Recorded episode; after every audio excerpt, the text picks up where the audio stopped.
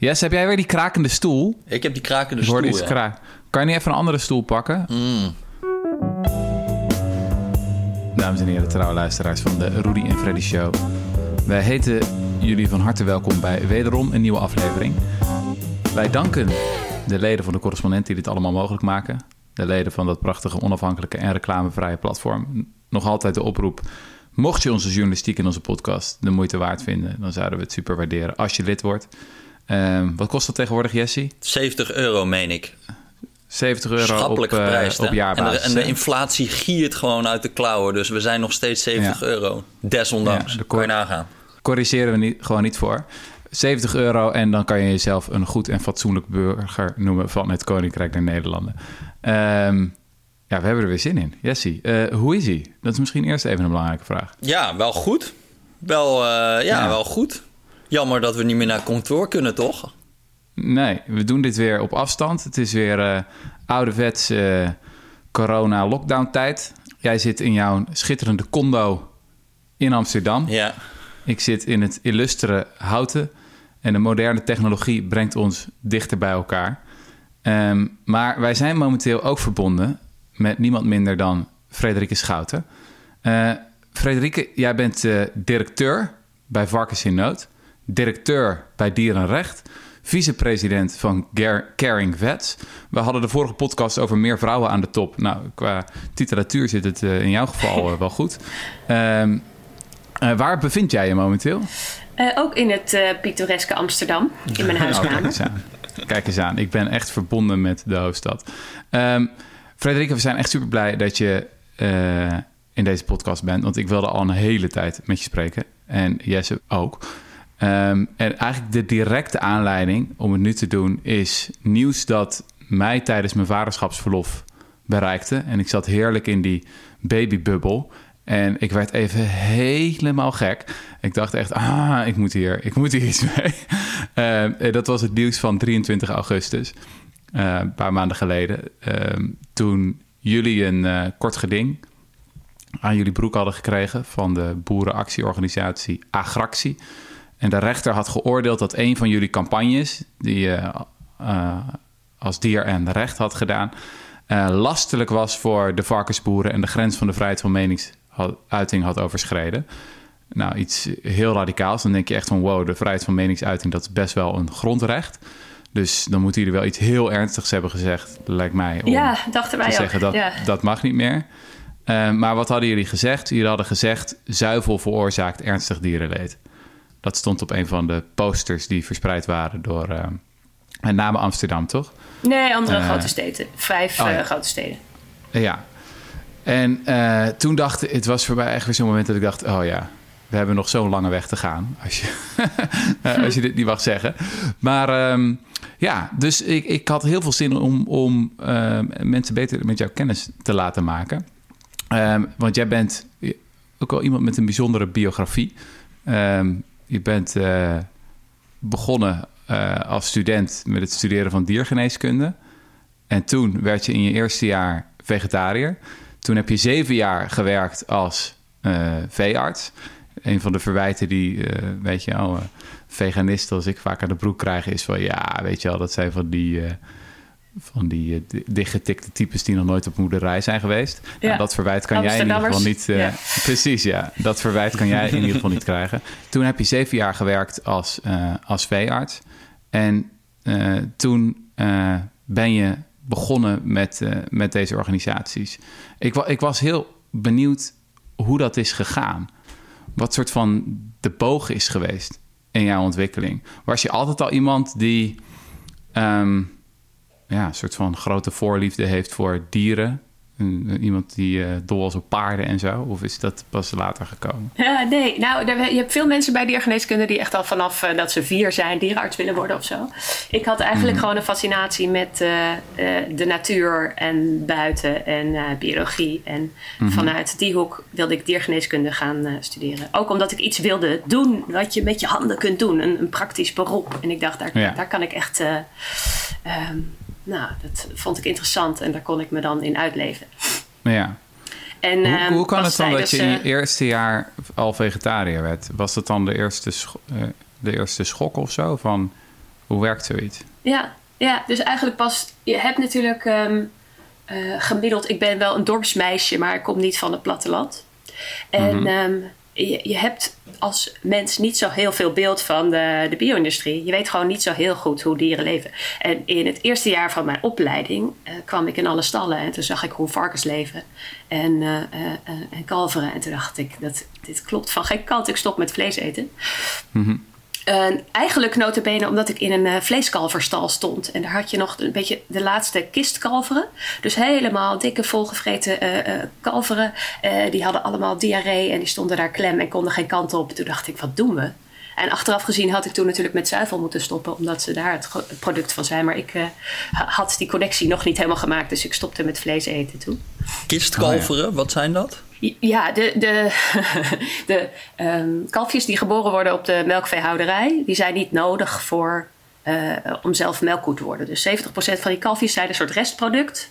Ehm, daar vragen wij met dierenrecht vaak aandacht voor, want die zijn dus eigenlijk een soort overbodig, maar die worden alleen maar geboren omdat die moeder melk moet geven. En vroeger heette dat kistkalveren. Die werden dan gehouden voor eh, nou ja, blank kalfsvlees. En die moesten dan zo min mogelijk bewegen. En die kregen een eh, rantsoen van veel melk en ongezonde voeding, zodat ze bloedarmoede hadden. En door te weinig bewegen, dan krijg je mooi wit vlees. Tegenwoordig leven ze wel in groepjes, maar nog steeds binnen op eh, ongeschikte. In, eigenlijk in ongeschikte stallen. Maar goed, dus dat- die kistkalveren bestaan niet meer. Maar die stonden dan echt gewoon klem eigenlijk. Dus hun hele leven eh, eh, konden ze alleen maar opstaan en gaan liggen. Een van de dingen die ik zo fascinerend vind is ehm, dat veel mensen onbekend zijn met zulke basale feiten over hoe ons vlees en hoe onze zuivel wordt gemaakt. En ik trouwens tot voor kort ook. Ik weet nog het moment dat ik me realiseerde dat je koeien permanent zwanger moet maken om melk te krijgen. Weet je, als, als je het zo zegt, denk je ja, duh, nogal logisch Ja. dat een zoogdier, weet je wel, dat moedermelk verbonden is met het krijgen van kinderen. Maar ja, dan moet er natuurlijk iets gebeuren met al die kalfjes die eruit komen. En, en wat zei je? Slechts 30% is nodig om de melkkoeien te vervangen. Dus dan haal je er toch heel veel kalfjes over. Ja, dus de helft is natuurlijk een stiertje. Nou, die gaan sowieso geen melk geven. En dan heb je nog, eh, eh, nog 20% van die kalfjes die eigenlijk gewoon niet nodig zijn om te vervangen op het eigen bedrijf. Dus die Ja. zijn, eh, nou ja, dat, die heten dan een restproduct. Ja, ja, ja. Was dit ook de kern van jullie campagne? Van de claim zuivel veroorzaakt ernstig dierenleed? Ja, ons idee was wel, want hier was een ondertitel bij die poster die zei van eh, kalfjes worden eh, direct na de geboorte van hun moeder weggehaald. Ja. Want dat is wat er gebeurt en dat is wat heel veel mensen niet weten. Want ik vind inderdaad wat jij zegt, dat is, was voor ons de aanleiding om te zeggen: je moet, mensen moeten dit in ieder geval weten. Dan kun je later zelf bedenken of je dan nog aan zuivel wil doen of niet. Maar je moet in ieder geval weten dat dit zo is. Mensen denken bij een koe aan melk. En dat is, zo zijn wij, dat is in onze cultuur zo. En Dus het is niet vreemd dat jij en eh, iedereen niet direct denkt... dat is alleen maar als hij een kalf krijgt, want het is eigenlijk moedermelk. Maar als je er eenmaal over nadenkt, denk je... ja, natuurlijk. We hebben allemaal wel een beeld van eh, koeien in de wei... maar de meeste van die koeien zijn zwanger. Of ze hebben net één of twee maanden geleden een kalf gekregen... want dan, daarna zijn ze alweer opnieuw zwanger. Ja, ja, ja. Maar jij hebt dus Wat- wel wat- als, als arts veel gewerkt op die boerderijen. Ja, ik heb als veearts gewerkt eh, een jaar of zeven. Dus wel wat melkveebedrijven, ook vleeskalverbedrijven en eh eh, varkensdierenarts was ik ook. Dus ge- ge- gemengde veeartsenpraktijk. En vond je dat dan moeilijk? Nou, ik was er natuurlijk ook een onderdeel van. Ik eh, vond toen dat ik gewoon mijn best moest doen om die eh, dieren gezond te houden en om tips te geven. En ik had het idee van, de, ook, de, ook de bio-industrie is aan het veranderen, dus we gaan de goede kant op, dacht ik. Maar na zeven jaar dacht ik, ik, nou, ik, eigenlijk geef ik nog steeds dezelfde adviezen en het lukt vaak niet. En er is geen geld en er is geen, ik bedoel, dat, hele systeem zit hartstikke klem. Dus ook die boeren, die zitten vaak van, ja, eh, wat, wat, wat wil de maatschappij nou voor mij? Ehm, ik kan het allemaal niet, eh, ik krijg het allemaal niet voor elkaar en we hebben- doen het ook nooit goed. Dus er heerst een soort sfeer van, ja, dit, ja eh, het, het, het, het wordt zo niks. En ik dacht ook, ja, na zeven jaar, er, er gebeurt niet eh, genoeg. En ik zat elke dag, keek ik van die varkens in de ogen. Van ik dacht, die zijn, het is zo'n deprimerend, uitzichtloos bestaan in zo'n betonnen hok. Zonder dat je ooit eh, kan vroeten of zonder dat je ooit naar buiten kan of zo. Dus ik kon er zelf eigenlijk niet meer tegen. Maar ik heb niet het idee, ja, het is niet dat ik zeven jaar eh, eh, alleen maar uh, tranen met tuiten heb gehuild. Want ik was gewoon ook een onderdeel. Ik ging ook gewoon kalfjes op de wereld zetten en denken: kijk eens wat een mooi kalf. Vervolgens helpen om dat kalfje in een kruiwagen te doen en verderop in een hokje alleen te zetten. Want dat doe je nou eenmaal in de melkveehouderij. Was er een moment dat het kantelde? Dat je iets meemaakte, dat je iets zag, dat je dacht: I gotta get out. Ik moet iets anders gaan doen. Nou, Want het is best een transitie. Ik bedoel, je studeert diergeneeskunde. Dat is een pittige opleiding. Ben je jaren mee bezig. Zit je zeven jaar in het vak. Daar leer je mensen kennen. Je leert boeren kennen. Je hebt collega's. En dat je nu ineens ja, toch kop van jut bent. Ik bedoel, ik begrijp dat je ook uh, nou ja, behoorlijk wat lelijke verwensingen naar je hoofd krijgt. Er is persoonlijk aangifte tegen je gedaan. Ja. Omdat je allemaal van die ernstige, lelijke dingen zegt. Ik bedoel, je zit behoorlijk aan de andere kant. Is er een soort van moment geweest dat je dacht van... oké, ik moet het helemaal anders doen? ik weet niet of het. Het is inderdaad. Ik denk dat het langer heeft geduurd voordat ik de uh, conclusie trok. Want ik had inderdaad fijne collega's. En ik had heel veel uh, boeren waar ik goed mee overweg kwam, eh, kan. Waar ik, uh, elke maand kwam of zo. En, um, maar het is denk ik zo dat ik in de loop van de jaren gewoon steeds meer de dieren als individu ging zien. Je bent er dag in dag uit in de stal met die dieren. En um, zo'n um, zeug of zo'n kalf, als je die ziet en je kijkt ze in de ogen. Ja, ik kon er op een gegeven moment niet meer omheen dat dit gewoon een individu is met een eigen leven. En die zit daar dan opgesloten. Zo'n zeug zit dan uh, tussen kooien opgesloten. Die kan vijf weken lang niet anders dan opstaan en gaan liggen. En die kan niet echt niet eens goed bij haar eigen biggen die geboren zijn. En ik kon gewoon ja, ik weet niet. Ik snap eigenlijk niet zo goed dat ik het zo lang wel heb volgehouden. Maar op een gegeven moment zag ik het dier als een individu. En ik dacht, ik kijk jullie elke dag in de ogen en je hebt een uitzichtloos bestaan. En waarom hmm. doen we, waarom waarom doen we dit? Waarom hmm. laten we dit toe met z'n allen? Hmm. Dus toen dacht ik, ik moet er gewoon mee stoppen. En pas later dacht ik, wacht even, ik kan ook nog activist worden. Want ik kan natuurlijk wel iets met uh, de kennis die ik heb. Maar dat had ik toen nog niet eens door. Ik dacht gewoon, ja, hier word ik ongelukkig van. Ik moet iets anders doen. Ja, ja, ja. Ja, ik vind dat interessant hoe je dat beschrijft. Van, ik zag het dier als individu. Want ieder dier is natuurlijk ook een individu. Ik bedoel, als we het over kippen hebben... je ziet een stal met duizenden, tienduizenden kippen. Maar ja, daar zitten ja, vrolijke kippen bij, wat minder vrolijke kippen. Er zitten slimme kippen bij, misschien wat dommere kippen. Er zitten extraverte kippen bij, misschien een beetje verlegen en timide kippen bij. Ze hebben allemaal een eigen verhaal in zekere zin. Ja, in de koeienstal heb je soms ook eentje die echt op je afkomt en uh, zijn kop op je schouder legt. En andere die, uh, die, uh, die gaat zelf een beetje verderop in een hoekje staan kijken wat er gebeurt. Die, je hebt gewoon ja, koeien sluiten, vriendschappen, weet je wel. Dat zijn, dat zijn echt ja, persoonlijkheden natuurlijk. Alleen je moet ze nog wel zien. En dat is het lastige van die enorme aantallen. Ja, ja, ja. ja. Hoe, hoe, hoe ging het verder? Je had op een gegeven moment een knoop doorgehakt van... oké, ik wil niet meer als, als, als veearts werken. Um, hoe kom je dan terecht bij Varkens in Nood en een organisatie als Dierenrecht? Um, ja, ik had op een gegeven moment bedacht, ik wil dan wel ik wil uh, dierenbeschermer worden. En toen ging ik gewoon kijken, uh, vacatures, waar zijn ze? En uh, bij Varkensnood zochten ze een, iemand voor de communicatie. En toen dacht ik ook nog, nou fantastisch, dit ben ik. Terwijl, ja, het mhm. sloeg natuurlijk nergens op, want ik had nog niet eens een fatsoenlijke Facebook-account of iets of zo. Maar dus ik mhm. dacht, nou, ik solliciteer. En de, eh, de toenmalige directeur, Hans Maai, die, die dacht gewoon, dit is interessant natuurlijk, want je hebt veel uh, kennis uit die sector, dus kom maar. Dus mhm. eigenlijk uh, gewoon, ik dacht, ik, ik spits de, uh, de advertenties af en, uh, en ik stuur anders open sollicitaties. En ik kijk of, of er een dierenbeschermingsorganisatie is. Hm, hm, hm. Um, kan je iets vertellen over die aanloop naar zo'n kort geding dat agractie tegen jullie aanspant. Dus jullie hadden een van de dingen die dierenrecht doet, is publiekscampagnes. En in dit geval wilden jullie dus mensen voorlichten over de, de schaduwkant van zuivel.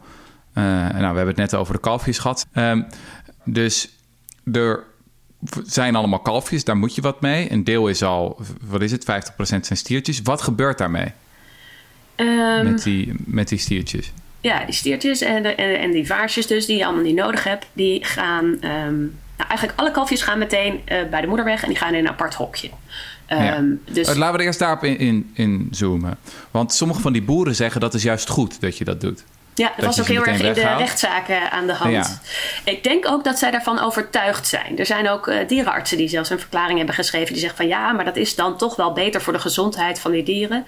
En er zijn wel onderzoeken naar gedaan, maar dat is vooral allemaal binnen het systeem zoals het nu is. Dus als je dan zo'n melkveestal hebt en je zou nu die kalfjes daar bij die koe laten lopen, dan lopen ze misschien gevaar. Of ze liggen in de poep. Of ze, ja, dat is niet goed voor hun gezondheid. Maar in principe is natuurlijk de reden om die kalfjes weg te halen, is überhaupt het feit dat wij die melk willen drinken. Dus dat is gewoon praktisch en economisch. Ehm, en ehm, het is ook niet waar dat ze gezonder zijn. Dus helaas juist niet. Er gaat best wel veel mis in ehm, hoe de eh, melkveehouders de, de melk en de biest kunnen geven aan die kalfjes. Dus hun weerstand is slecht. Wat is biest? Ja, biest is de eerste moedermelk en daar zitten alle antistoffen in. Dus zo'n kalf heeft dat nodig om überhaupt enige weerstand te krijgen. En Oh ja. eh, normaal zou moeder dat dus geven, maar nu is het eh, ja, volledig de verantwoordelijkheid van die veehouder. Maar die heeft het druk en die krijgt steeds meer koeien. Want het is een gemiddeld bedrijf is inmiddels ook al 120 koeien of zo. Terwijl het niet zo lang geleden nog 80 was. Dus die, dus die geven zelf ook aan. We hebben gewoon weinig tijd. En die eh, ehm, kleine kalfjes die hebben niet de hoogste prioriteit. Dus daar gaat best wel veel mis. En daarom zijn ze vaak ongezond. Eh, dus je hebt eh, diarree en longontstekingen en eh, de kalversterfte. Dat is ook al wel eens in het nieuws geweest een aantal jaar geleden. Dat is gewoon iets van 13% of zo. Dus echt heel veel van die kalfjes gaan dood omdat ze, omdat ze ziek worden. Dus het is, het, ik denk wel dat die veehouders echt overtuigd zijn dat ze dit doen om dat kalf goed in de gaten te houden. En dat, dat, dat ze dat dan gezond kunnen houden. Maar in de praktijk blijkt dat het echt niet lukt. En dat, dat ze veel beter af zijn eh, bij de moeder. Ik las ook dat het misschien vreder is om een eh, kalf een paar maanden later weg te halen, omdat er dan al een hele binding is ontstaan tussen moeder en kind. Ja. Omdat ja, koeien zijn gewoon zoogdieren, net als wij. En een van de kenmerken van zoogdieren is dat je een hele sterke eh, processen van hechting hebt in, in het begin. En dat als je die, nou ja, de vrije loop laat in het begin, dat ze dan het al zo gezellig hebben met elkaar, dat het alleen maar bruter is om ze nog uit elkaar te halen. Ja. ja, en dat klopt ook. Ja. En dat is ook waar, waar het in de rechtszaak veel over ging. Ehm, eh, het is alleen een, een non-argument als je zegt van wat nou als we die koeien helemaal niet gebruiken voor melk. Ehm, maar het klopt wel dat Ja. als je langer wacht dat het erger wordt. Dus dat, Ja. is, dat is wel de reden om het dan direct te doen. Dus dat is in het eerste uur of zo. Er zijn ook boeren die wel een paar uur het kalf bij de koe laten en wel laten eh, likken en zo. Want het is heel gezond voor het kalf dat het door zijn moeder wordt gelikt. En er gebeuren allerlei processen die gewoon ook eh, gezond zijn voor het kalfje. En goed voor de moeder. Eh, oxytocine, knuffelhormoon en zo. Dat, dat helpt allemaal. Ehm, Alleen dan, dan is het al erger. Dus dan heb je echt dat ze dagen naar elkaar kunnen loeien. eh, wat, wat natuurlijk best wel eh vreed is. Dus de Ja. reden is dan wel... eh, dat is wel de reden om het direct te doen. Alleen er dan wordt er voorbij gegaan aan dat het ook dan nog steeds eh, leed oplevert. En Ja. stress en sociale problemen voor die kalfjes. Ja, Het is dus zo in ons ingebakken dat het maar zo is, denk ik. ja. Ja. Ja. Ja, je zal het wel moeten, toch? Als je, ik bedoel, als je die melk... Als degene die dat maakt, die zal wel moeten geloven dat het toch niet heel erg is. Want anders dan ga je dat natuurlijk niet doen. En zolang die behoefte er is bij iedereen om melk en om dingen te krijgen... dan zullen er mensen zijn die dat doen. Ja, precies. En het is dan, eh, eh, daarom is het ook altijd zo. eh, bij die rechtszaak ook werd het dan een beetje ons verweten van jullie zeggen dat boeren eh, misdadigers of dierenbeulen zijn of zo. En ik nee, we doen echt heel erg ons best om dat niet te zeggen, maar om gewoon te zeggen: dit gebeurt. Het is een systeemfout. Jij als consument hebt er invloed op. Maar je doet natuurlijk wel dingen die, die gewoon zijn geworden. Ik las een. Eh, rapport van ditzelfde gebeurt dan in Brazilië van die hele grote melkveehouderijen. En daar hebben ze eigenlijk niet echt een vleeskalversector. Dus daar wordt op een heel groot deel van die bedrijven worden die kalfjes doodgeslagen. En die boeren die vinden ook een manier om daarmee om te gaan. Maar dat is best wel heftig. Iemand, een psycholoog heeft hun geïnterviewd. En die zeggen dan van ja, ehm, time of killing is horrible. But you just have to do it of zo. Dus er is een soort van ehm, ook, ja, dat is niet wa- wat we hier doen. En onze boeren zouden zeggen natuurlijk sla je die kalfjes niet dood. Maar bij hun is dat normaal. En weten ze, hebben ze dat dus ook met hun eh, eh, geweten in het reinen gebracht of zo. Om het maar Ja. gewoon te doen. En dat is, ja, het is dus gewenning, denk ik, aan wat nou eenmaal zo moet of hoort. Wat ik altijd heel grappig vind, of nou ja, grappig. Het, de, de- er is één zo'n stuk in, eh, in, eh, in de dierenwet of zo. eh, dat er een keer zo'n amendement is ingediend door eh, eh, volgens mij PvdA en ChristenUnie. Dat je hebt gewoon in het eigendomsrecht zijn, heb je dingen die zijn zaken. En zaken, daar zitten bepaalde rechten aan verbonden. En dieren waren ook gewoon zaken.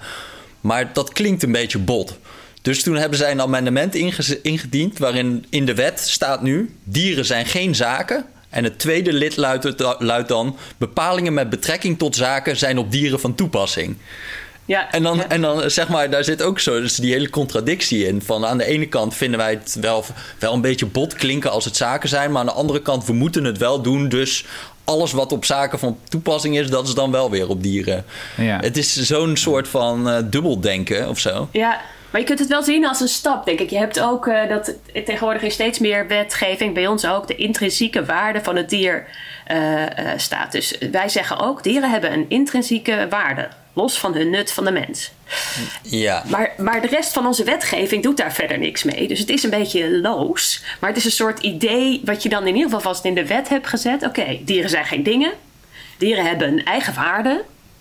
Ja, ja, ja. ja maar dan, maar dan, want er moet nog wel wat invulling aan gegeven worden. Oké, dus ik ben hier te cynisch over. Het is gewoon een stapje misschien. Uh... Nee, ik, denk dat je terecht cynisch bent. Want denk je, waarom zetten we dan niet met z'n allen meteen ook, uh, verbinden we er niet meteen conclusies aan? Ja. Want als we dat vinden, nou, dan moet je misschien ook niet uh, de wetgeving die je.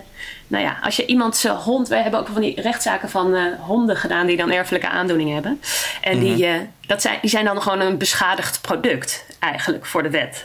Dus je hebt een product gekocht wat beschadigd was. En daarom kan je verhaal halen bij de fokker die dat doet. Maar dat is natuurlijk super raar dat het niet gaat om leed, maar om een product. Heel wonderlijk. Ehm, even verder gaan in, de, in dat proces. We zitten dan dus met een restproduct in feite. Um, al, die, al die kalfjes in Brazilië, zei worden ze doodgeslagen. In Nederland gebeurt dat gelukkig niet. Wat gebeurt er dan wel mee? Nou, als zij twee weken oud zijn, dan worden ze opgehaald van al die verschillende bedrijven. Dus dan gaan ze op transport. We hebben trouwens, we importeren er ook heel veel. Dus we hebben iets van 800.000 kalfjes die in Nederland geboren worden. Maar ook de melkveehouderijen in bijvoorbeeld Ierland of Letland of zo. Hun kalfjes komen ook vaak naar ons toe.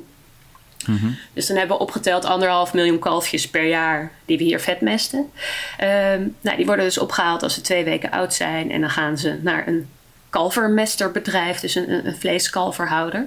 En daar mhm. worden ze uh, vet gemest tot ze uh, zes maanden oud zijn of negen, ligt een beetje aan. Um, en die leven hun hele leven in een stal. Dus het is echt een. Uh, ik, vind het bizar dat je grazers, herkauwers, dus geen gras geeft of geen hooi en dat ze nooit in de wei komen. Mhm. Ehm, maar die leven in een stal waar ze op een soort volledige roostervloer van beton of hout. Dus dat is echt hard en ook dat is de plek waar ze poepen en daar moeten ze ook liggen. Het is gewoon, dat is echt een gek systeem. In een soort mhm. ijzeren constructie met vijf of zes bij elkaar. De eerste acht weken van hun leven mogen ze ook nog uh, individueel gehouden worden. Dus dan staan ze in een isolement. Ze zien wel andere kalfjes, maar ze staan allemaal in een eigen hokje. Dus ze kunnen dan niet met elkaar spelen of zo. We zien ook dat die kalfjes, en dat is natuurlijk ook allerlei dingen die wij in die rechtszaak naar voren hadden gebracht. Van, doordat je ze bij een moeder weghaalt en doordat je ze alleen huisvest, hebben ze, uh, worden, groeien die kalfjes angstiger op en hebben ze sociale problemen en kunnen ze later veel moeilijker in de kudde. Dus dat is allemaal wel onderzocht, dat ze, dat ze daar ook echt uh, uh, ja, psychologische schade van krijgen, van het hmm. isolement. Hmm. Ja, en daarna staan ze dan in die groepjes als ze acht weken oud zijn tot ze, tot ze geslacht worden. En dan staan ze in. Um, uh, een stal binnen en ze krijgen geen hooi en gras omdat daar te veel ijzer in zit. En dan worden ze te, wordt het uh, kalfsvlees te rood. Dus ze krijgen eigenlijk ook ongeschikte voeding en daar, dat levert weer allerlei darmproblemen op. En de kalversector is ook, die kalfjes worden, ze komen van al die verschillende bedrijven en het is een beetje een soort kindercrash aan ziektes. Dus die worden heel vaak ziek. Die hebben allemaal, uh, 70% van de kalfjes heeft aan het eind van hun leven een longontsteking of een borstvliesontsteking gehad. Dat is echt gigantisch. Ja, dat is gigantisch. En ja. uh, maagzweren komen ook, wat was het, 70 of 80 procent hebben dat. En ze krijgen vaak diarree. Dus er gaat ook nog heel veel antibiotica heen, omdat die sector eigenlijk gewoon heel veel kwetsbare dieren bij elkaar brengt. Met heel veel verschillende ziektekiemen. Dus je ontkomt er niet aan dat die ziek worden. Dus het is echt een heel, echt een, een gekke industrie en juist ontstaan doordat je natuurlijk met die kalfjes zit en ze niet dood hmm. wil slaan. Dus dan zeggen ze we verwaarden een, eh, een restproduct. En Nederland is daar dan heel goed in geworden en ook best wel trots op. Hmm. Ehm, maar ja, ze hebben echt een, eh, echt een bizar hot leven eigenlijk. Wat niet, vooral een leven wat helemaal niets te maken heeft met natuurlijke behoeftes van, uh, van koeien. Hmm. Gebeurt het ook in Nederland dat vetmesten van die kalveren? Of, of in andere landen juist? Nee, dat is allemaal in Nederland, ja. Ja, dat is allemaal in Nederland. Maar wij eten het niet, toch? Of niet zoveel, nee. dat kalfsvlees. Nee, nauwelijks. In restaurants nog wel eens. Maar ik heb ook altijd het idee dat mensen kalfsvlees wel associëren met dierenleed. Of dat, dat, dat mensen het idee hebben van, oh ja, kistkalveren of kalfsvlees, kleine dieren, dat is zielig. In Nederland is het in ieder geval echt niet normaal om dat te eten. Maar zo'n 90% of zo van dat vlees, dat exporteren we. Dus wij Ja. ehm, halen de kalfjes naar Nederland. Eh, wij mesten ze vet tot een soort van... eh, nou ja, product wat, wat, eh, wat de grens overgaat. En wat, is, Ja. wat zou een, een ja, als je, als je zeg maar, gegeven dat we die hele melk, die melkindustrie hebben, wat zou je dan kunnen doen met die kalften? Ja, het is een beetje tricky. Ja. Je hebt- Nou, om het anders ja, te zeggen, het, het is nu gewoon zo dat stel je koopt de meest biologische geweldige melk in Nederland, of gewoon een pak Campina melk, mag voor mij ook, dan ben je dus indirect verbonden met deze kalfindustrie. Want het is een onherroepelijk restproduct van de zuivelindustrie. Kan niet anders, Ja. want die koeien gaan geen melk geven als ze niet de hele tijd zwanger zijn en blijven baren.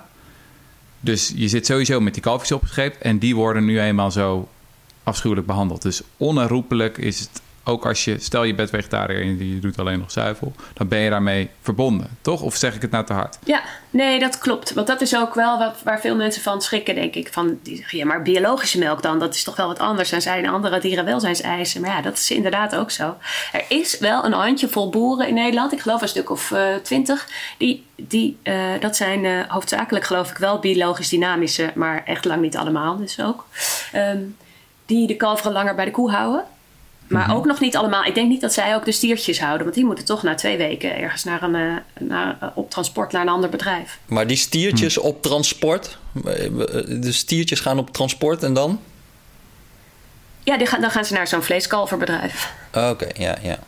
Ja, dus die komen allemaal in diezelfde stallen terecht in principe. Er, er, is echt, er- ja, er zijn een heel handjevol uitzonderingen. Maar ook dan zit je met het probleem, eh, wat je zei Rutger, van ja, dan, dan doe je het op twee maanden of zo, haal je ze weg. Dan is het ook een drama. Dus de- daarom zeg maar inderdaad, gegeven dat wij de huidige melkveehouderij hebben, ehm, is het best wel moeilijk om een goede oplossing te verzinnen. Daarom dachten wij, je moet juist mensen zeggen van... hé, hey, waarom niet plantaardig? Er zijn natuurlijk wel meer redenen om eh, plantaardig... in plaats van koeienzuivel te nemen.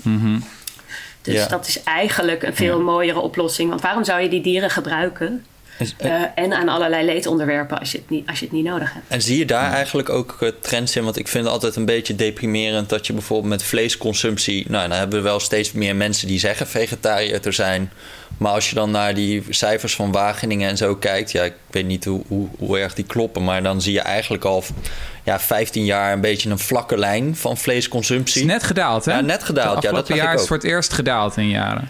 Maar, maar nog steeds, gewoon in 2005 76,7 kilogram per hoofd per jaar aan vlees. En in 2020 dus 75,9.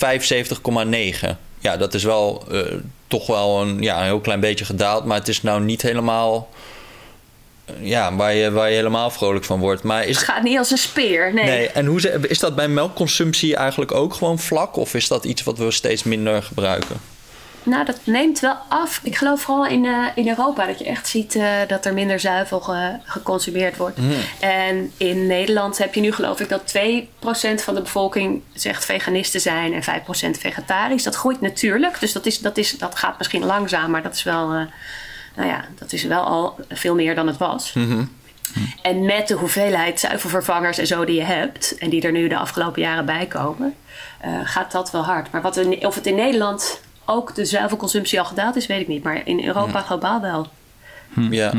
Ehm, nog even over die, over die rechtszaak. Want naar mijn idee maak je best wel een sterke case dat er sprake is van ernstig dierenleed eh, in die sector. En dat dat verbonden is aan de zuivelindustrie. Ehm, is dat dan nog wetenschappelijk controversieel of zo? Of wat is er misgegaan tijdens die rechtszaak? Hoe kan het dat een Nederlandse rechter zegt: Sorry mensen van dierenrecht, maar wat jullie nu zeggen is zulk groot onzin. Dit is smaad, dit is laster. Ik ga zelfs een grondrecht als de vrijheid van meningsuiting hiervoor eventjes tussen haakjes zetten. Ja. Want dat is echt niet iets wat zomaar gebeurt, toch, in een land als Nederland? Nee, en Wat- het interessante is ook dat het dus echt niet zo was dat die rechter zei: dit is grote onzin. Want in, de, in het vonnis staat ook van: oké, het is eh, zeker aannemelijk dat eh, als je het kalf langer bij de koe laat, dat, eh, dat je minder aantasting van welzijn hebt en dat leed mogelijk kan worden voorkomen. Uh, maar we hadden onvoldoende aangetoond dat het ernstig dierenleed was. Dus daar, het gekke is dat, het, dat als we geen ernstig hadden gezegd, dan was het waarschijnlijk goed geweest. Maar daarboven is het denk ik, ik weet niet wat er is misgegaan of wij nou heel slecht dat hebben gedaan. Um, want we dachten ook, dit, het is, uh, wij hebben genoeg wetenschappelijke onderbouwing om te laten zien wat er met die kalfjes gebeurt. Hè. Ze, gaan, ze krijgen meer, vaker diarree. Ze gaan vaker dood dan als ze bij de moeder zijn. Nou, wij vinden dat ernstig dierenleed. is een mening. Dus op zich, ja. ja doodgaan lijkt me wel leed. Ja. Nou, ja. precies. Dus we hadden vrij simpel gezegd: kijk, hier en hier en hier zijn allemaal bronnen die laten zien wat er met die kalfjes gebeurt. ten opzichte van als ze bij de moeder blijven. Misschien hebben we te veel daar op die inhoud gezeten. Uh, want overkoepelend is het natuurlijk veel belangrijker dat je, dat je zegt: uh, we zijn een dierenwelzijnsorganisatie, we zijn een actiegroep. Het heet Dier en Recht, dat staat er duidelijk boven. Um, Zo'n boodschap, zuivel veroorzaakt ernstig dierenleed. Nou, daar zitten allerlei voorbeelden aan, maar dit is een van de dingen. Die kalfjes die worden bij de moeder weggehaald. Maar ga naar onze website, daar staan veel meer voorbeelden. De, het feit dat je als, uh, als, als actiegroep niet zou mogen zeggen dat wij vinden dat zuivel ernstig dierenleed veroorzaakt. Dus wij dachten al eigenlijk, ja, je hebt gewoon als uh, journalist of als actiegroep, als iemand die iets um, aankaart in de samenleving, wat, wat, wat van belang is, van maatschappelijk belang is, heb je best wel veel ruimte. Volgens de vrijheid van meningsuiting, dachten wij. Dus we gingen ook zeggen: Nou, kijk, wij baseren ons op deze en deze onderzoeken. En de rechter gaf eigenlijk aan: van ja, jullie hebben onvoldoende hard gemaakt dat het ernstig dierenleed betreft. Alsof, alsof de zeg maar, wetenschappelijk aan te tonen zou zijn. Maar je kunt natuurlijk niet wetenschappelijk aantonen dat iets ernstig is. En leed is ook nog maar een beetje dubieus. Want hoe, hoe weet je nou, kun je al zeggen dat een mens lijdt? Of kun je zeggen dat een. Bij een dier is het nog lastiger. wanneer, wanneer is het lijden? Dus dat, dat was echt. Uh, Werd een beetje filosofisch in de rechtszaal. Nou, nee, bijna niet. Nee, dus ik dacht dat had het misschien eerder moeten zijn. Mm zodat je kunt zeggen, dit is een mening. Wij, hebben, wij hebben een mening die we echt gebaseerd hebben op allerlei wetenschappelijke onderzoeken. Allerlei wetenschappers zijn het hiermee eens. Andere wetenschappers zijn het er misschien niet mee eens. Maar dit vinden wij en wij zetten het op een poster. En we hebben daarbij echt uh, heel erg gezorgd, ook op onze website, dat we, dat we een soort minst schadelijke foto's laten zien. Hmm. Dus uh, gewoon foto's die we op open dagen hebben genomen. Weet je wel, niks geen, niks geen bloederigs. Ik zag een, een, foto van een uh, campagne van Gaia in België over uh, dierenleed dat kleeft aan melk. En die hadden een glas melk met daarin een, een, soort bloedvlek die over de rand druipt met een kalfje erin. Subtiel. volgens mij is dit een stuk chockerender dan hmm. wij hebben gewoon een kruiwagen met een kalfje laten zien. Van kijk, die wordt bij zijn moeder weggehaald. Maar ja. Ja, dus wij dachten echt van, we zeggen het wel zo subtiel mogelijk. Maar we hebben natuurlijk wel een soort uh, afbeelding gemaakt die lijkt op de waarschuwing op een sigarettenpakje. We, hebben wel op een bepaalde manier mensen even willen uh, wakker schudden. Ja. Maar ik had inderdaad, toen het vonnis kwam, was echt een soort mokerslag. Want ik dacht, hoe kan. Ja, ja, ik dacht gewoon, hoe, kunnen, hoe kan het dat dieren dus blijkbaar zo laag in de, in de prioriteitenlijst staan dat, dit gewoon, uh, dat je dit niet mag zeggen? En dit zijn ook echt van die uitspraken die je dan over 40, 50 jaar, waar mensen dan nog eens op terugkijken en denken van hoe kan dat nou weer? Dat denk ik echt bij dit soort dingen hoor. Ja. Echt. Ja, die voor de historici van de toekomst prachtige anekdotes zijn om een hoofdstuk mee te beginnen. Ja. Zo van, u zult het waarschijnlijk niet geloven, beste lezer. Maar in augustus 2021 verbood een Nederlandse rechter het nog om te spreken van ernstig dierenleid als het om de zuivelindustrie ging. Ja. Ik dacht ook echt in een tijd dat we allemaal obsessief zijn met cancel culture, weet je wel. Wat meestal betekent dat gewoon iemand die niet gewend is aan kritiek een keertje ervan langs krijgt. Um, maar waar zijn de ridders van het vrije woord? Weet je wel, nu gewoon een, een NGO keihard de mond wordt gesnoerd uh, op straffen van een dwangsnom. Um, ik bedoel, ja, die zijn, we waren toch allemaal zo obsessief met de vrijheid van meningsuiting. En nu zegt een rechter gewoon: nee, je mag het niet zeggen. Weghalen nu. Ja, ja, I don't know. Echt ik gek, zo... Uh... Ik las ook later, dat wist ik toen niet... maar dat het echt bijna nooit is opgelegd... dat je daadwerkelijk posters... ze zouden er nog twee of drie dagen hangen... en we moesten eerder... dus één van die drie posters ging het alleen maar om... maar die moesten we eerder weghalen. Dus dat hebben wij natuurlijk braaf gedaan... maar dat las ik pas later dat het echt heel erg vreemd is... en haast nooit gebeurt. Het interessante eraan was wel... dat daardoor inderdaad de juridische wereld ook wel vond wat jullie nu zeggen. Dat je denkt, wat? Wat gebeurt hier? Um, dus het heeft ook wel weer... Uh, mensen juist aan het denken gezet, Hm. geloof ik. Maar ja, we hebben natuurlijk wel het hoger beroep straks. En het is echt niet alleen voor ons belangrijk om dat te winnen, maar ook als, gewoon, ja, als je als NGO niet iets kan zeggen wat een bedrijf schaadt. Want het zou dus het imago van melkveehouders schaden. Ehm, en, en dat is dan waarom het, waarom het zo streng beoordeeld werd als, als dat het dan onrechtmatig was als het niet helemaal feitelijk juist was of, of als het niet 100% bewezen eh, was of zo. Dus ik dacht, ja, ja, je hebt natuurlijk nogal snel als je kritiek hebt op een, op een grote eh, bedrijfstak, eh, dan is je idee ook dat je dat imago wil schaden. Dat is de bedoeling. En ehm, als je dat niet meer mag doen, is, het wel, is dat wel vrij lastig als eh, Ja. actiegroep. Ja. Hoe gaat het nu verder? Dus 7 december is het hoger beroep. Ehm, hoe, hoe gaat de aanloop naar zoiets? Ben je dan nu weer allemaal argumenten aan het verzamelen samen met de advocaat? Of ben je Ja. dan een andere strategie die je uit gaat testen dan de vorige keer? Hoe nee, het is eh, gewoon eh, breder onderbouwd. En, ehm, eh, en ja, ik kan daar waarschijnlijk ook niet al te veel van zeggen. Maar goed, dat is, dat, dat is ingediend. We hadden toen, kijk, dat hoger beroep, de, het ehm, korte geding ging ook echt, echt kort. Dus wij kregen vrijdag te horen dat er kort geding was. En we mochten smiddags komen of de, eh, of de maandag daarop. Dus we hadden een weekend om daar eh, eventjes eh, op voor te bereiden. Ehm, nu hadden we wat ruimer de tijd om het hoger beroep op te stellen en ons punt beter te maken. Meer eh, jurisprudentie erbij te zoeken. En, eh, ja, dus dat, het verhaal ehm, wat rustiger te doen. Maar inderdaad, en dan eh, kan de fractie ook weer reageren op de punten die wij hebben gedaan. Dus nu moeten wij weer opnieuw reageren. Je krijgt echt stapels papier natuurlijk uiteindelijk Ja. om dit... eh, om dat punt te maken. En Ja. dan hebben we een mondelinge zitting en dan gaat het er vooral om wat de rechters van ons nog willen weten. En Ja. zal het vooral hopelijk zijn dat ze ook vragen aan ons stellen. Ja. Wat mij opvalt is, als jij spreekt in interviews over de melkveehouders, over de boeren, is dat je dat met heel veel empathie doet. Dus je- hoor je zelden echt een harde uitspraak doen van, I don't know, die verrekte boeren van Agractie met hun trekkers. Ze stonden weer met negen trekkers voor de, voor de rechtszaal, weet je wel. Ja, ja, ja, er was echt een mooie foto van zo'n eh, zo'n bakfiets voor... eh, want het was rechtbank Amsterdam. Dus ze hadden ze Oh, een ja. paar van die grote John Deere trekkers met zo'n bakfiets ervoor. Ja, Ja. ja. Ja, Maar zij zijn snoeihard over, over jullie. Ehm, en ik vroeg me af van, wat is je overweging daar? Is dat je, je achtergrond, eh, omdat je zelf natuurlijk die wereld kent... en misschien ook echt een bepaalde empathie voelt... voor boeren die misschien vastzitten in het systeem? Of is dat heel tactisch? Ehm, ik, ja, het is iets wat Ja, ik weet niet. Ik denk dat het ook eh, misschien. Het helpt ook niet natuurlijk. Hè? Ik bedoel, het gaat al best wel hard tegen hard. En zij vinden. Het is, ik, ik merk dat wij zo, zo voorzichtig mogelijk proberen te zijn. En het bij de feiten willen houden. Of mensen gewoon over die dieren vertellen. En nooit zeggen: een boer is een dierenbeul. Of een, ik bedoel, dat, dat, dat zijn dingen die helemaal niet helpen, denk ik. Nee. Maar ik, het zijn natuurlijk gewoon mensen die om een reden boer zijn geworden. Dus ik denk wel dat het ook door mijn achtergrond komt. Dat ik denk, ik weet hoe, hoe hard die mensen werken. En ik denk alleen dat zij gewoon helemaal hun eigen dieren uit het oog zijn verloren. Maar ehm, ja, het helpt niet zoveel om, om ze dat heel erg te verwijten of om ze zwart te maken bij het publiek. Mensen moeten gewoon beter gaan nadenken over die dieren. En het gaat er niet om dat je zegt: eh, dit is de boosdoener. Ehm, en ik denk ook echt, kijk, dat is altijd gevraagd. We hebben dat als maatschappij gevraagd eigenlijk.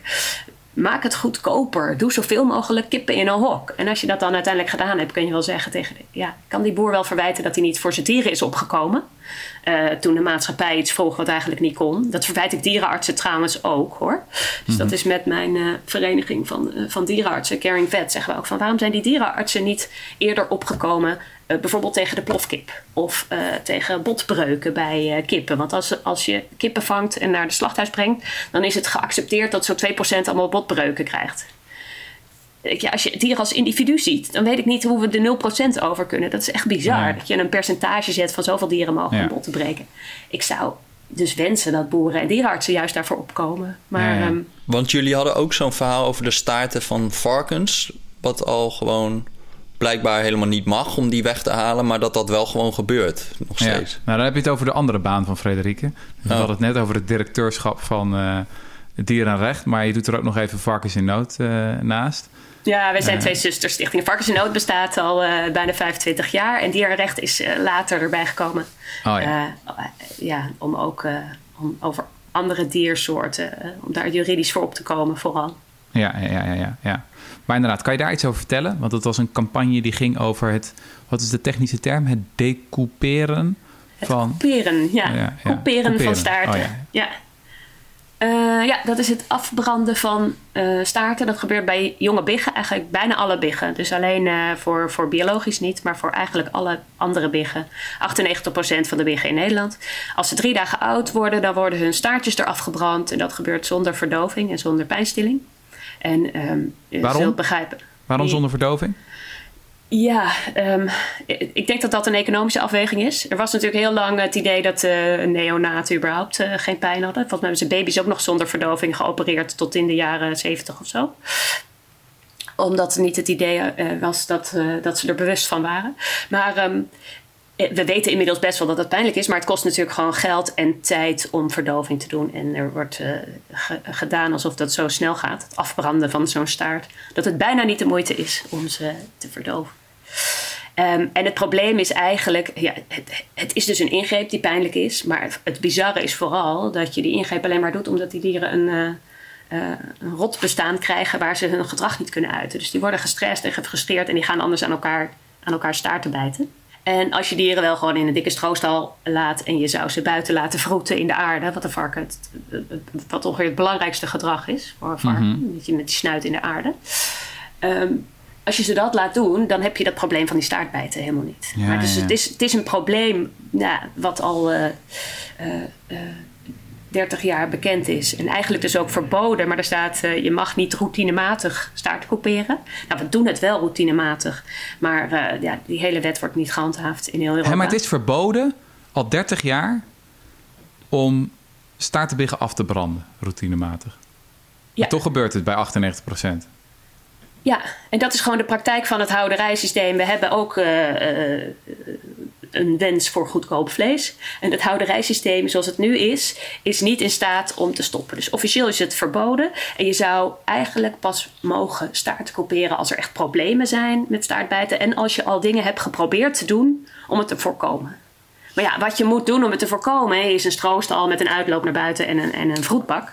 En, en dat is niet een maatregel eh, die gebeurt ooit of waarop gehandhaafd wordt.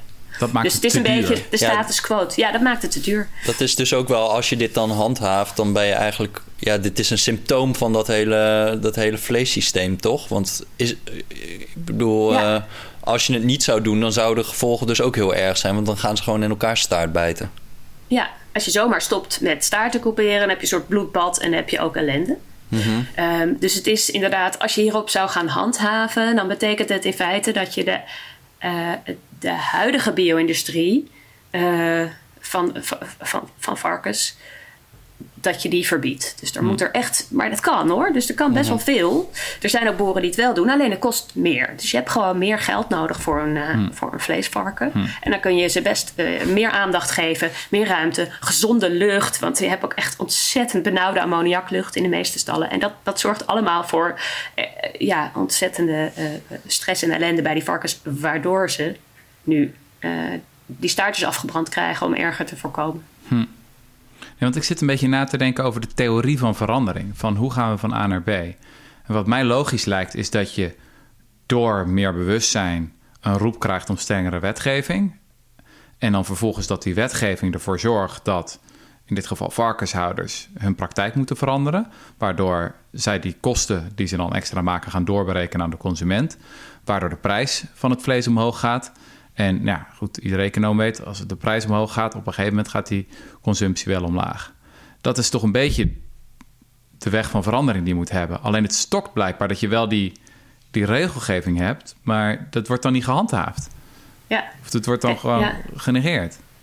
Ja, en volgens mij is dat omdat het andersom werkt. Omdat het is. eh, de, de, de retail bepaalt eigenlijk wat de prijs is. En die boeren kunnen niet zomaar zeggen: ik doe mijn prijs omhoog. Die dienen gewoon te leveren voor dat. Dus de, dus de rekensom wordt vanaf de andere kant gemaakt.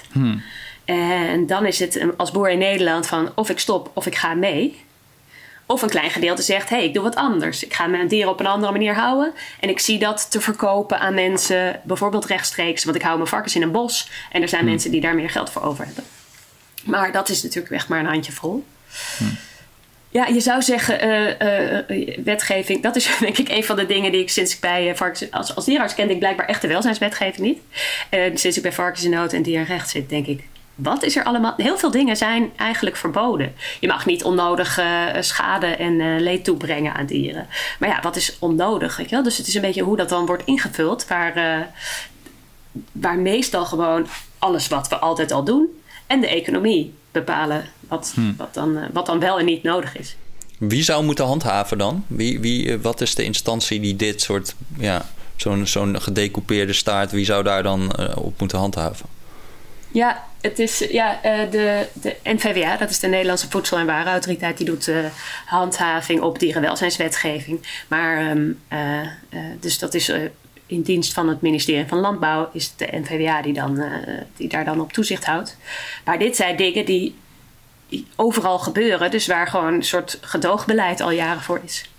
Hm. En, en heb je dan bijvoorbeeld ook de, als veearts een soort van uh, meldingsplicht of zo, als je dingen ziet die niet kunnen? Of, of hoe, Ja, maar de meeste dingen die je dus ziet die niet kunnen, die gaan gewoon, die zijn oké bij de wet of ze worden gedoogd. Dus dit is een, het is een soort van, um, er is heel veel leed wat je ziet, die verveling, uh, het staarten couperen, de, de kraamkooien waarin ze opgesloten zitten. Maar die dingen zijn gewoon de normale gang van zaken. Dus dat is eigenlijk het meest mm.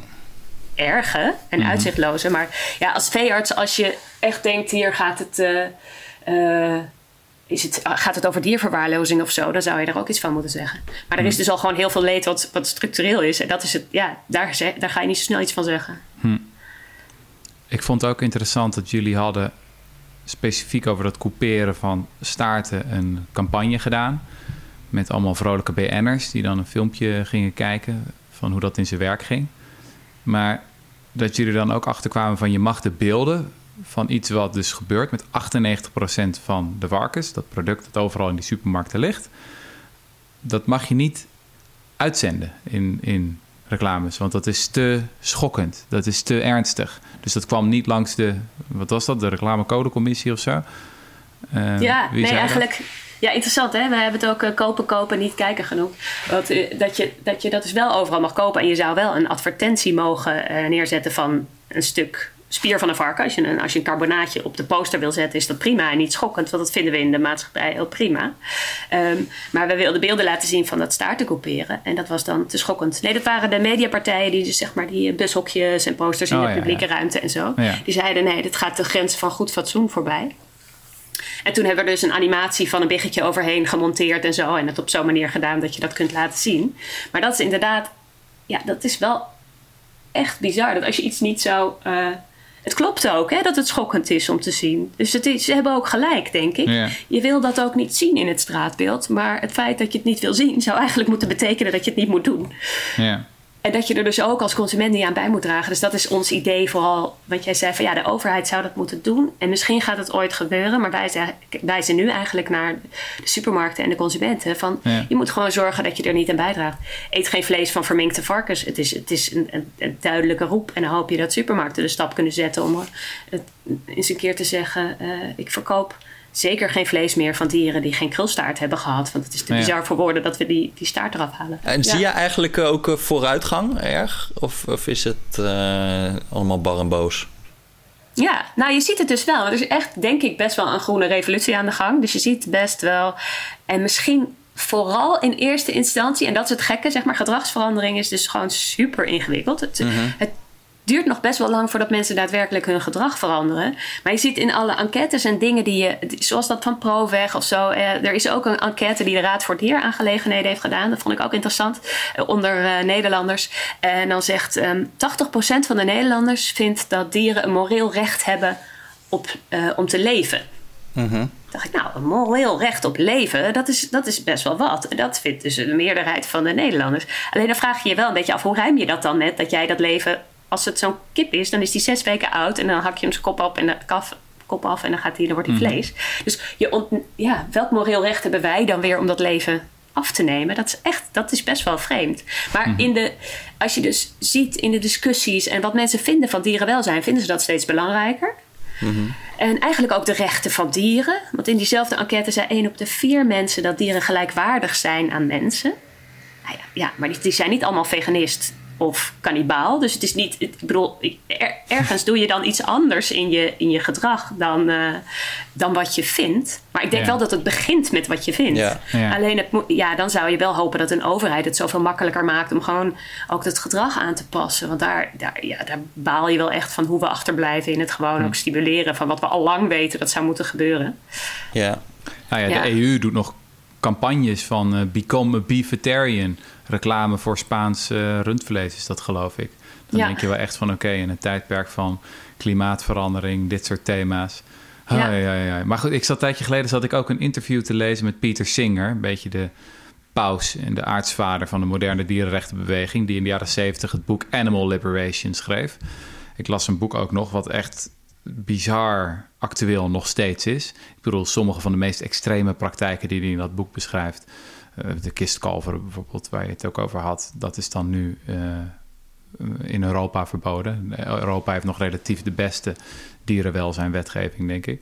Um, maar hij beschrijft ook in een, in een interview van uh, dat toen hij dat boek publiceerde, dat hij dacht: nou ja, de informatie is er dan. Dit, dit gaat enorm veel verandering bewerkstelligen. Want iedereen die dit leest, die moet toch denken... ik stop met vlees, weet je. Ik, dit moet anders. We gaan het... En hij, beschreef dus decennia later de teleurstelling die hij ervoer in de jaren daarna. Want dat dat helemaal niet gebeurde. En ja, dat is ook een beetje een cynische conclusie misschien. Maar ja, als je kijkt naar het aantal vegetariërs, bijvoorbeeld in een land als de VS, wat was dat in de jaren 70? Nou, een paar procent. Wat is het vandaag? Een paar procent. En ik, ik ben wel met je eens dat de afgelopen vijf jaar echt iets in beweging gezet lijkt te zijn. Vooral misschien op het technologisch vlak. Dus dat er veel betere vleesvervangers zijn. En Nederland is ook kampioen vleesvervangersconsumptie. Ehm, maar als je kijkt hoe groot het leed is en hoe groot de misstand. Uh, als je dat echt tot je door laat dringen. En het feit dat we dat al sinds de jaren zeventig, dat het gewoon duidelijk is opgeschreven, dat we het weten. Sindsdien is eigenlijk het aantal dieren, in ieder geval wereldwijd, is alleen maar gegroeid. Dat dat in die wereld zit. En het gaat waarschijnlijk nog jaren verder groeien. Want ja, China, daar willen ze ook allemaal. Ja, ik vind dat nog wel eens de. Goed, ik wil je nou niet. Uh, ja, ik, ik dacht dat jij een optimist was. Ja, sorry. Nee, maar het is, ik had laatst ook zei iemand van ja, Rutger, je bent altijd optimist. Ja, ik ben optimist, maar niet als het over, over dieren gaat. Want uh, gewoon de afgelopen 200 jaar is het voor mensen in heel veel opzichten ja, wij zijn rijker, veiliger en gezonder. Zeker in een mooi land als Nederland. Uh, met ja, en zelfs wij nemen de beslissing niet. Ja, ja, maar uh, als je kijkt naar, uh, naar de situatie voor dieren, is, is dat denk ik toch. En daarom denk ik soms wel eens van: ja, wat is nou, die, wat is nou de juiste theorie van verandering die je moet hanteren? Want ik ben ook al heel erg tot de conclusie gekomen dat. Ik, ik snap het heel erg hoor, die gedragsverandering campagnes. Maar het is zo moeilijk om het individu echt van, van, ja, van, van mening te laten veranderen en zo'n zo'n radicale omzwaai te doen in het leven. Ehm, dat je denkt van wat is nou de meest logische manier om op te focussen? Moeten we vooral. Stel bijvoorbeeld, ik heb een miljoen euro. En waar, waar, moet ik het in stoppen? Weet je, moet ik het aan dieren recht geven? Moet ik het aan varkens in nood geven? Moet ik het aan wakker dier geven? Of moet ik het aan een kweekvlees start-up geven? Weet je, wat is het van meest effectief gezien als ik die betere wereld dichterbij wil brengen. Uh, ook in het licht van dat we natuurlijk al decennia het proberen. Ik bedoel, de dierenbescherming bestaat ook al heel lang, toch? En volgens mij eh, is het leed van dieren in Nederland, vooral van boerderijdieren, alleen maar toegenomen sinds het bestaan van de dierenbescherming. Nou, nou ja, in ieder geval in aantallen dieren. Nee, het stomme is in ieder geval dat aantallen, ja. De aantallen zijn alleen maar uh, omhoog gegaan. Ja, en het welzijn. Het, het, lastige is dat er zeg maar, je, je doet al jaren een, uh, eigenlijk uh, openbaringen over wat er allemaal misgaat in de veehouderij. En het effect daarvan is ook soms best wel uh, heeft best wel effect, soms politiek. Maar dan zijn het kleine stapjes in dierenwelzijn. Zoals die kistkalveren mogen niet meer. Nu hebben ze groepshuisvesting. Vroeger stonden zeugen allemaal in een kooitje hun hele leven. Nu nog maar vijf weken op rij. En de rest van de tijd hebben ze dan een groep. Maar het is, dat zijn zulke kleine stapjes. Uh, uh, dat je denkt, ja, daar, zo kom je nooit bij een fatsoenlijk leven voor dieren, uh, dat het voor hun gewoon een, een waardevol leven is. Ja. Dus het, het, het, zou zoveel radicaler moeten, maar de maatschappij gaat zo traag. Ja. Dus ik denk inderdaad, ja, weet je waar je ook, dat, dat doen we nooit. En dat, ik, ik, dus als je dat miljoen nou ergens in wil steken, weet ik ook niet of dat in de kindermarketing moet. Maar ik denk dat er best wel veel verandert in eh, het begin van je leven en hoe je, hoe je kijkt. Alleen eh, ja, hoe je kijkt naar dieren, hoe je kijkt naar wat je doet. de meeste kinderen vinden dieren vooral leuk. En ehm, ik denk dat als je, ze dan, als, als je dat vlees dan zou associëren met dieren, dat dat voor de meeste kinderen heel logisch is dat je ze niet wil opeten. Maar het is toch iets wat je als, als dierenorganisatie niet gaat doen. Een soort kindermarketingcampagne of zo. Daar kom, je, daar kom je niet aan. Maar ik vraag me af of dat niet is wat nodig is. En kijk, die gedragsverandering is bij heel veel mensen uh, anders. Dus we hebben soms chockerende dingen, zoals van de zomer echt misstanden uit een slachthuis in Nederland. En dan hoor je altijd reacties van mensen. Dit was de druppel. Dus soms is shock gewoon hetgene wat een, iemand doet besluiten te stoppen met vlees eten. Mm andere mensen zijn misschien wel gevoelig voor ehm, informatie. Maar wat jij zei van Pieter Singer, dat is ook, dat is ook echt wat uh, onze oprichter uh, zei na twintig jaar. Van, ik had gedacht, um, uh, ja, we dachten gewoon, we brengen het naar buiten. We brengen naar buiten wat er aan de hand is. En dan nemen ja. mensen vanzelf die, ja. de juiste beslissing. En dat is natuurlijk, ja. Nou, wat ook gewoon zo interessant is wat ik merk sinds ik zelf veganist ben geworden, ook al was ik al vier, vijf jaar vegetariër, is dat ik ineens dacht: oké, nou zijn er een aantal boeken, die had ik al op mijn leeslijstje staan, maar die durf ik nu eigenlijk pas echt te lezen. Dus bijvoorbeeld Melanie Joy, die heeft een, een van de meest populaire boeken geschreven over van, uh, wat is het? Uh, ook zo'n waarom we ieren de, ja, uh, dieren waarom we koeien dragen en ja. honden knuffelen. Ja, ja. En, en ik, ik had dat boek al langere tijd op mijn lijst staan, maar het was iets van, uh, ik parkeer het nog even, weet je wel. En als je op een gegeven moment dan die beslissing hebt genomen, dan ben, ik, ben je minder bang voor die informatie. Dan durf je het ineens tot je te nemen. Maar dat is misschien ook, ook hoe sommige luisteraars aan zo'n podcast als deze beginnen, is dat je half bang bent van, oh, ik hoop maar niet dat ik aan het eind van de podcast veganist moet worden. Mocht je dat denken, het antwoord is, ja, dat moet je. weg, weg zijn ze. ik zie Jesse heel moeilijk kijken. Ja. Als je meedoet aan die podcast, ja. Ja, dan wordt het helemaal pijnlijk natuurlijk. Ja, maar ik denk toch, ik bedoel, het feit dat nu al dus ieder, uh, heel veel mensen dat het een beetje zo een ongemak is wat mensen in hun hoofd voelen. Dat het steeds minder expliciete verdedigers krijgt, zeg maar. Dat vlees eten dat, daar begint het mhm. toch ook mee. Ja, het is niet de meest smaakvolle vergelijking. Maar, maar met, met, met, met slavernij en zo was het toch ook dat op een gegeven moment niemand het echt meer expliciet ging verdedigen. En dat het, dat het daar toch ook mee begint. Dat je het gewoon moreel eigenlijk niet meer kunt verdedigen. En op een gegeven moment houdt het dan. Uh, ja, in dit geval moet het dan denk ik gewoon toch komen van economie of zo. Dat je op een gegeven moment de kwaliteitsverschillen klein worden en de prijsverschillen ook. En dat mensen dan makkelijk een overstap maken omdat ze toch niet willen dat mhm. vlees dan toch echt veel slechter voelt. Ja, dieren hebben dan toch gewoon een gekke plek nog voor ons in onze empathie cirkel of zo. Ik denk dat veel mensen toch theoretisch vinden dat dieren belangrijk zijn en dierenwelzijn is belangrijk. En we houden van dieren. De meeste mensen zeggen we houden van dieren. Maar of je echt om ze geeft. Het is natuurlijk best wel gek dat je ook als boer zegt: Ik hou van mijn dier, maar ik breng hem wel naar de slacht. Dus er, er zit daar een soort ja, dierenwelzijn is belangrijk. Ja, de bio-industrie zou uh, verboden moeten worden. Ja, mhm. slachthuizen moeten gesloten worden. Um, maar alles zoals we het gewend zijn, dat is een beetje, dat is toch Melanie Joy, die heeft het ook carnisme genoemd. Dus wij zijn zo opgegroeid in een wereld waarin vlees eten uh, en dieren gebruiken voor ons nut de normaalste zaak van de wereld is. Dat je wereldbeeld is al zo lang zo gevormd dat je bijna dat, je, dat, dat daadwerkelijk iets doen wat anders is dan dat wereldbeeld gewoon te, te ingewikkeld lijkt of zo. Mhm. Dus los mhm. van wat je er moreel van vindt. Ja, mhm. het, het, is vrij bizar. Ja. Ik had nog één, vraag, misschien tot slot, over wat je vindt uh, over de uh, veganisten die nogal geobsedeerd zijn met het, uh, ja, het purisme, zou je kunnen zeggen.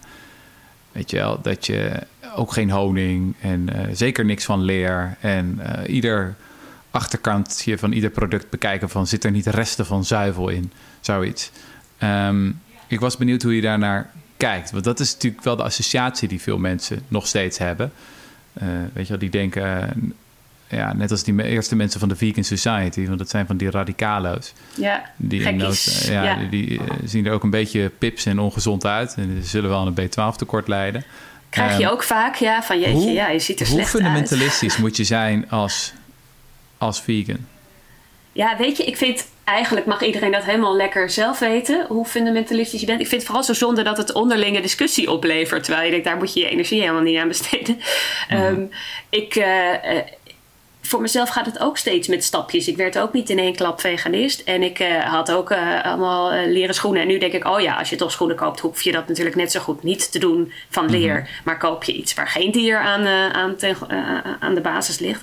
Maar um, je moet, ja, ik weet niet. Ik, ik ken niet zoveel uh, veganisten die ook echt zeggen van. Je hebt van die producten waarop staat van kan mogelijk sporen van uh, iets. Ja, weet ja. ik veel. Dan is het in dezelfde fabriek gemaakt als waar ook wel eens melkpoeder wordt gebruikt of zo.